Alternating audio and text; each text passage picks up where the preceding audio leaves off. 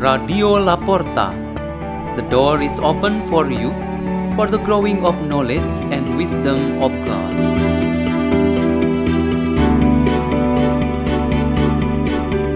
Delivered by Cecilia Sari from Saint Mark Church Depok, Diocese Bogor, Indonesia.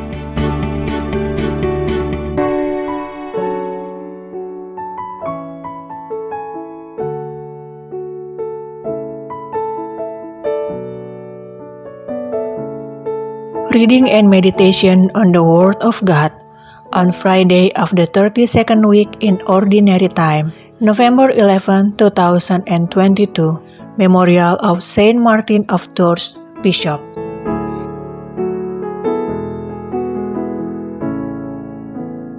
The reading is taken from the Holy Gospel according to Luke.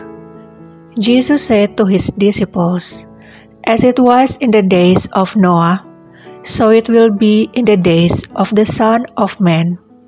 They were eating and drinking, marrying and giving it marriage up to the day that Noah entered the ark, and the flood came and destroyed them all. Similarly, as it was in the days of Lot, they were eating, drinking, buying, selling, planting, building. On the day when Lot left Sodom, fire and brimstone rained from the sky to destroy them all. So it will be on the day the Son of Man is revealed. On that day, someone who is on the housetop and whose belongings are in the house must not go down to get them. And likewise, one in the field must not return to what was left behind. Remember the wife of Lot.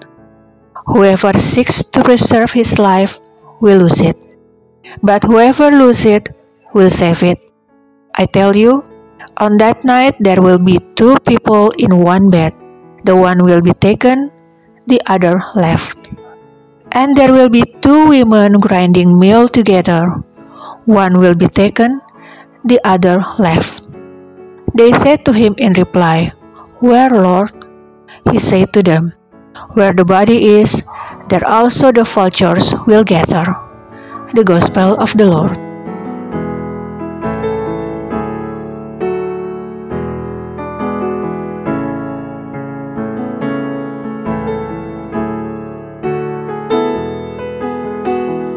Our meditation today has the theme Counting on the End of Time. The things about the end of time are part of our faith.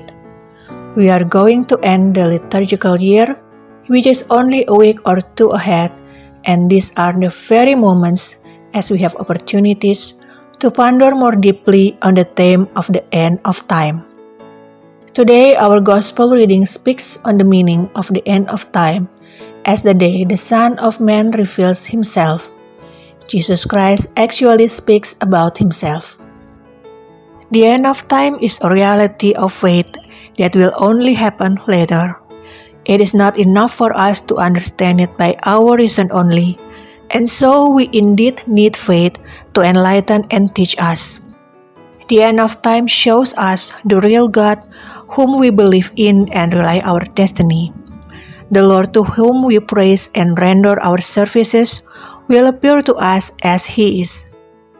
Our today's first reading, taken from the second letter of St. John, invites us to always be faithful to all teachings of God, especially on the truth of loving one another as children of the same loving Father. This is the sure way for us to arrive at the end of time. There was once a birthday celebration in a family, and the one being celebrated his birthday was an 85 year old grandfather. The celebration was attended by all of his children, in laws, and grandchildren. One of the granddaughters, named Felicia, asked something to grandfather, which surprised everyone in the family as she said, Grandpa, have you seen God or haven't? The grandfather who hugged the little girl Felicia and with warm feeling told the granddaughter, It won't be long for Grandpa to meet and see God directly. Grandfather realized that The end of time for him was near because of his advanced age. Today we are taught that the end of time contains two main things namely the second coming of the Lord Jesus Christ, and this world will experience an afterlife. The following are some of its characteristics or signs that are indicated in the scriptures.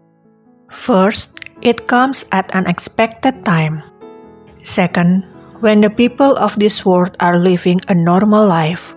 Third, a sudden coming. Fourth, after a worse persecution to the church. Fifth, after a great earthquake, plague, famine in various places, and in the sky there will be signs of the shocking nature. Sixth, after the mass apostasy occurred. Seventh, after the power of Antichrist will be extinguished. Eighth, when love for needy ones become dry. Ninth, when the gospel is being preached to all corners of the world. Tenth, when all the descendants Israel will be saved. 11. When this church becomes holy and blameless without any form of stain. What will be certain for us is actually this that we will prepare ourselves, and when our own death comes, it is the end of time for ourselves as the followers of Christ. Let's pray. In the name of the Father, and of the Son, and of the Holy Spirit. O most loving and merciful Father, on the second coming of your Son Jesus Christ, may we be found always ready and free from every burden of sin. Hail Mary, full of grace, the Lord is with thee. Blessed art thou amongst women, and blessed is the fruit of thy womb, Jesus. Holy Mary, Mother of God, Pray for us sinners, now and at the hour of our death. Amen. In the name of the Father, and of the Son, and of the Holy Spirit. Amen. Radio La Porta. The door is open for you.